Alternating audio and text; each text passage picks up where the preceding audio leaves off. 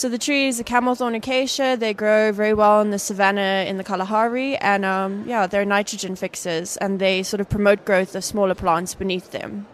So we looked at the sociable weavers, and they build these massive thatch roof nests and live in huge colonies within them, and they also facilitate homes and food for many other birds and animals. But what is the relationship between the camel thorn tree and the sociable weaver? So we wanted to see what type of interaction, if there was any, going on between the birds and these trees that they nest in.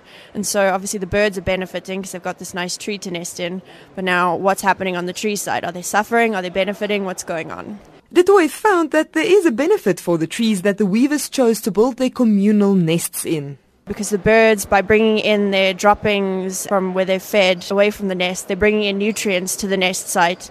And so the trees are benefiting by these increased nutrients. They're able to grow more leaves and grow better. But there is also a cost to the trees. Because these nests get very heavy, they can weigh several tons. And so their branches start to break when the nests get heavier or older.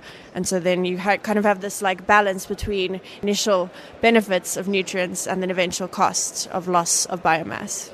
Following her research, Toit has come to the conclusion that these little birds are ecosystem engineers.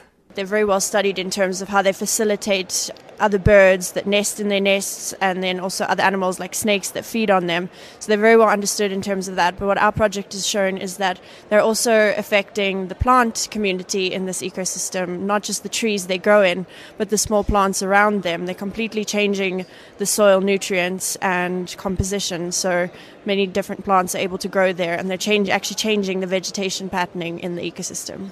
Carla du Toit was one of the speakers at the 7th annual Oppenheimer de Beers Group Research Conference in Johannesburg. The objective of the conference is to provide a platform for researchers to share outcomes of their research projects with a diverse audience of academics, students and environmental managers. I'm Hanri Wondergem in Johannesburg.